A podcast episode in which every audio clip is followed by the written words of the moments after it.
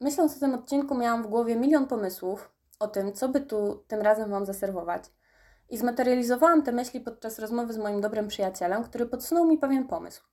Gadaliśmy przez telefon, właśnie mówię mu, kurczę, nie wiem o czym by tu tym razem, ale może korzystając z okazji, że za chwilę walentynki, to może nagram coś o tej tematyce. No i zaczęliśmy myśleć razem.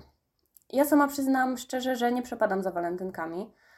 Pamiętam, że przez wiele lat jakoś tak mi się życie układało, że w te walentynki spędzałam sama, jeszcze jako nastolatka. Wiecie, jak jest się młodym, to jednak zdecydowanie inaczej patrzy się na takie rzeczy.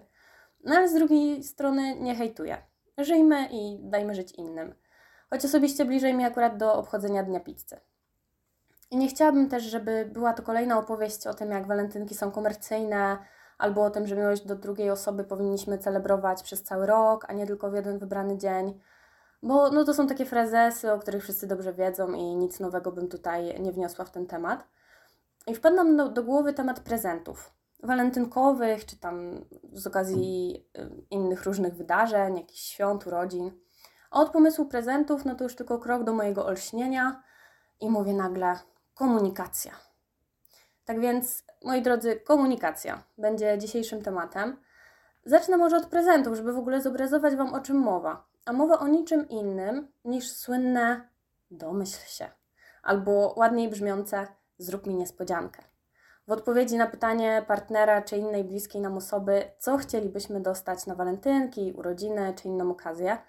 I dla wielu z Was nie będzie pewnie zaskoczeniem, kiedy powiem, że te niespodzianki są niejednokrotnie bardzo słabo trafione, a stąd już tylko krok do frustracji. I o ile ta frustracja z powodu nietrafionego prezentu może trwać, e, nie wiem, dzień lub dwa, w zależności od tego, jak bardzo nietrafiony to był prezent, o tyle brakiem komunikacji w innych kwestiach możemy sobie zapewnić e, naprawdę lata tej frustracji, a nawet doprowadzić do końca niektórych relacji w naszym życiu. Bo bardzo często sobie to robimy. Jest takie powiedzenie, że kto nie wie, czego chce, ten dostaje to, czego nie chce. Ja się z tym po części zgadzam, aczkolwiek y, moja wersja tego zdania brzmi: kto wie, czego chce, ale tego nie komunikuje, dostaje to, czego nie chce. I pamiętam z własnego doświadczenia, jak kiedyś byłam w związku y, ze wspaniałym człowiekiem, który dbał o mnie po prostu na każdej płaszczyźnie mojego życia. Kto mnie zna, ten wie, że gotowanie nie jest moją mocną stroną. Nie lubię, średnio mi to wychodzi. Moim podstawowym wyposażeniem lodówki jest e, wino, słoik ogórków kiszonych i 10 jajek od kur z wolnego wybiegu. A te jajka i te ogórki to tylko dzięki moim kochanym rodzicom. Także mój ówczesny chłopak postanowił zadbać o mój żołądek i przygotowywał mi jedzenie do pracy. I byłam mu naprawdę mega wdzięczna. E, wszystko byłoby super. Byłam e, naprawdę bardzo szczęśliwa, że mogłam jeść e, jakąś dobrą szamkę, ale był jeden mały minus. W moim menu na stałe zagościły naleśniki. Ja lubię naleśniki, ale jedzenie ich codziennie przyprawiało mnie już po pewnym czasie o zawrót głowy. I teraz pytanie: myślicie, że ja coś na ten temat wspomniałam? Domyślacie się już pewnie, jaka jest odpowiedź? Oczywiście nie, nie wspomniałam. No bo przecież on chce dobrze, bo w ogóle mógłby mi nie gotować i wtedy musiałabym się zdać na kanapki z jajkiem kupione w żabce. Ale pamiętam, że pewnego dnia już mi się po prostu przelało i nie dałam rady tych naleśników w siebie wepchnąć. Więc zjadłam na mieście coś innego, e, a pojemnik z całą zawartością e, tych naleśników wylądował z powrotem w lodówce. No i klops, bo zrobiłam coś, czego tak bardzo chciałam uniknąć i tak czy inaczej sprawiłam mu przykrość a wystarczyło w odpowiednim czasie powiedzieć, że no, zgodnie z prawdą jestem mega wdzięczna za to, że się o mnie troszczy i że przygotowuje mi jedzenie, ale no, że te naleśniki codziennie to już trochę za dużo. I pamiętam też drugą sytuację, kiedy poszliśmy razem pobiegać. On biegał wtedy regularnie, a ja miałam mega długą przerwę w aktywności fizycznej. Była wtedy zima, a ja w zimę y, hibernuję i czekam na wiosnę. Więc wyciągnąć mnie wtedy spod koca y, graniczy z cudem. Więc potwornie mi się tego dnia nie chciało, zwłaszcza, że pogoda nie sprzyjała. Ale mówię sobie, trzeba przełamywać swoją strefę komfortu. No i wyszłam. I wszystko byłoby super, gdyby nie fakt, że bardzo szybko zostałam mocno w tyle. Łapałam zadychę po trzech krokach i jeszcze w trakcie mnie rozbolało kolano. Więc odległość między nami rosła. We mnie zbierało się całe morze frustracji, że właściwie no, ze wspólnym bieganiem to ta wycieczka nie ma nic wspólnego. I było mi mega przykro. I on chyba dobiegł wtedy do jakiegoś takiego swojego miejsca docelowego i zawrócił w moją stronę. I zapytał mnie wtedy, czy chce, żebyśmy wrócili razem, czy wszystko w porządku, czy on może biec na przykład dalej sam. I we mnie się już zdążyło zagotować. Ale mówię mu, że nie, spoko, jakby biegnij dalej, spotkamy się w domu. Czemu to zrobiłam? Bo ja myślałam, że on się domyśli, że wspólne bieganie oznacza wspólne wyjście, wspólne pokonanie trasy i wspólny powrót. No ale nie domyślił się i zaczął biec dalej. A ja już ze łzami takiego wkurwu i zmęczenia w oczach doczłapałam się do mieszkania. Zamknęłam się na godzinę w łazience, biorąc gorącą kąpiel, bo zmarzłam wtedy niemiłosiernie. No ale niestety nawet ta długa kąpiel nie pomogła. I kolejne pół dnia spędziliśmy w takim wymownym milczeniu. I mieszkaliśmy jeszcze wtedy w kawalerce, więc no wiecie czym to pachnie. Oczywiście standardowo nie obyło się bez pytań, czy wszystko w porządku, czy coś się stało. oczywiście nie, wszystko, wszystko ok, nic się nie stało. I za każdym razem te pytania odbijały się ode mnie jak od ściany, bo nie wiedziałam już w pewnym momencie, na kogo jestem bardziej zła. Czy na niego, że się nie domyślił, czy na siebie, że jako dorosły człowiek nie potrafię komunikować swoich potrzeb. Zwłaszcza, że już wtedy zrobiłam, tak mi się przynajmniej wydawało, duży krok w pracy nad sobą. No a tu jednak okazuje się, że wieloma rzeczami się jeszcze trzeba było zająć i nad wieloma rzeczami trzeba było się pochylić. To oczywiście nie było odosobnione przypadki. I ja zazwyczaj na pytania o powód mojego braku komunikacji odpowiadałam: No, bo ja się nie lubię prosić. Brzmi znajomo? Dla mnie zawsze proszenie o czyjąś uwagę, o czyjś czas, o przysługę czy o jakąś pomoc, no to graniczyło z cudem. Bo przez większość życia uważałam, że jeśli komuś na mnie zależy, to powinien wiedzieć, czego mi w danym momencie trzeba. A co więcej, przecież on powinien chcieć tego samego. I że wyproszone to już nie smakuje tak dobrze. Jest taki mem y, z pingwinem siedzącym na krześle i mówiącym: Teraz to ja już nie chcę. No i ja byłam trochę jak ten pingwin. To też być może wynikało z tego, że ja przez większość swojego życia się domyślam. Mam pewien rodzaj takiej silnie rozwiniętej empatii i intuicji w stosunku do ludzi. Bardzo dobrze wyczuwam nastroje e, innych, wiem jak się do nich dostosować, co powinnam w danej sytuacji zrobić. Jestem trochę jak taka gąbka emocjonalna, która chłonie od innych emocje. Czy to dobrze? Mm, to zależy. To zależy dla kogo i to zależy w jakiej sytuacji.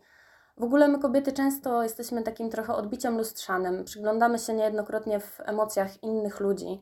Mężczyźni z reguły są odrobinę mniej emocjonalni. To, to wynika z wielu różnych przyczyn. Nie mówię, broń Boże, że panowie, że nie macie uczuć. Y, wy po prostu czujecie trochę inaczej niż my. I często, jak zastanawiamy się nad tym, czego dana osoba potrzebuje, to też niestety kierujemy się trochę do wewnątrz i bierzemy to przez pryzmat e, tego, przepuszczamy to przez taki filtr, który się nazywa czego ja bym w danej sytuacji e, chciał, chciała. Mówię niestety, no bo tak naprawdę całe życie słyszymy traktuj innych tak, jak sam chciałbyś być traktowany. A ja uważam, że kluczem do jakiegoś takiego odpowiedniego traktowania drugiego człowieka nie jest tak, jak my byśmy chcieli być traktowani, tylko to, jak on chciałby być traktowany. A to są bardzo często dwie różne rzeczy. I od jakiegoś czasu zauważyłam, że temat komunikacji jest naprawdę często poruszany. Wylewają się na nas różnego rodzaju treści, jak się poprawnie komunikować, jak być asertywnym itd., tak itd. Tak Ale dopóki nie pogrzebiemy trochę w sobie i nie zastanowimy się, skąd się biorą nasze braki w komunikacji, to te złote rady na nic się nie zdadzą. Ja już nie pamiętam, ale na którymś z przedmiotów na studiach nauczy, uczyłam się właśnie o skutecznej komunikacji i nic mi to nie dało poza wiedzą. Dopiero w momencie, w którym dotarło do mnie, skąd się biorą moje problemy na tym polu, zaczęłam to zauważać i naprawiać, choć no, do perfekcji mi jeszcze daleko. I tak jak mówię, temat komunikacji wylewa się uszami, ale u wielu z nas nic to nie zmienia w tym temacie. Wydaje mi się, że takie główne powody, dla których nie komunikujemy naszych potrzeb, to obawa o to, że na przykład sprawimy komuś przykrość. Może to być strach, że mimo komunikacji nasza prośba nie zostanie spełniona i będzie się to równało na przykład z odrzuceniem, smutkiem, że poczujemy się rozczarowani. A może na przykład uważamy, że nie zasługujemy na to, co dla nas dobre? Moim zdaniem ilu ludzi, tyle powodów, ale niektóre są dla nas wszystkich wspólne. Wczoraj oglądałam, oglądałam świetny film, e, Romansidło dla nastolatków, jak go określiła moja kumpela, ale jej też się spodobał, więc e, polecam serdecznie. Nazywa się Przez moje okno i znajdziecie go na Netflixie. Nie chcę za bardzo spoilerować, ale gdzieś na samym początku filmu jest taka scena rozmów między e, dwojgiem głównych bohaterów i w pewnym momencie pada takie standardowe pytanie od chłopaka do dziewczyny. Czego, czego ode mnie chcesz? A ona mu na to, żebyś mnie pokochał. I ja osobiście, jak usłyszałam to zdanie, to opadła na mnie taka kurtyna wstydu. Czajcie? Ja się zalałam purpurą, tylko oglądając ten film i słuchając tego wyzwań, wyznania. I myślę sobie, kurwa, przecież nikt tak nie mówi. No, na pewno nie na początku znajomości. I pomyślałam sobie, no, że to jest takie potwornie jakieś takie naiwne. Ale później przyszła mi druga myśl, bardziej chyba dojrzała i mówię, w sumie czemu nie? O ile życie byłoby łatwiejsze, gdybyśmy wprost komunikowali swoje potrzeby i uczucia. Ale do tego, moi drodzy, trzeba mieć jaja.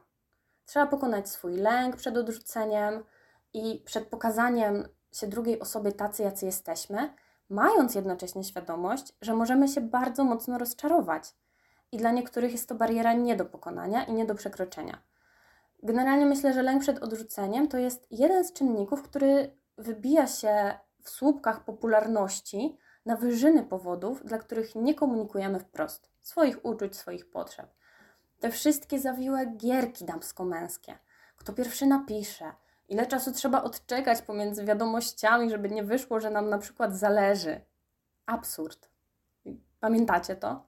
No, kto tak nie robił, niech pierwszy rzuci kamieniem. A czemu to wszystko?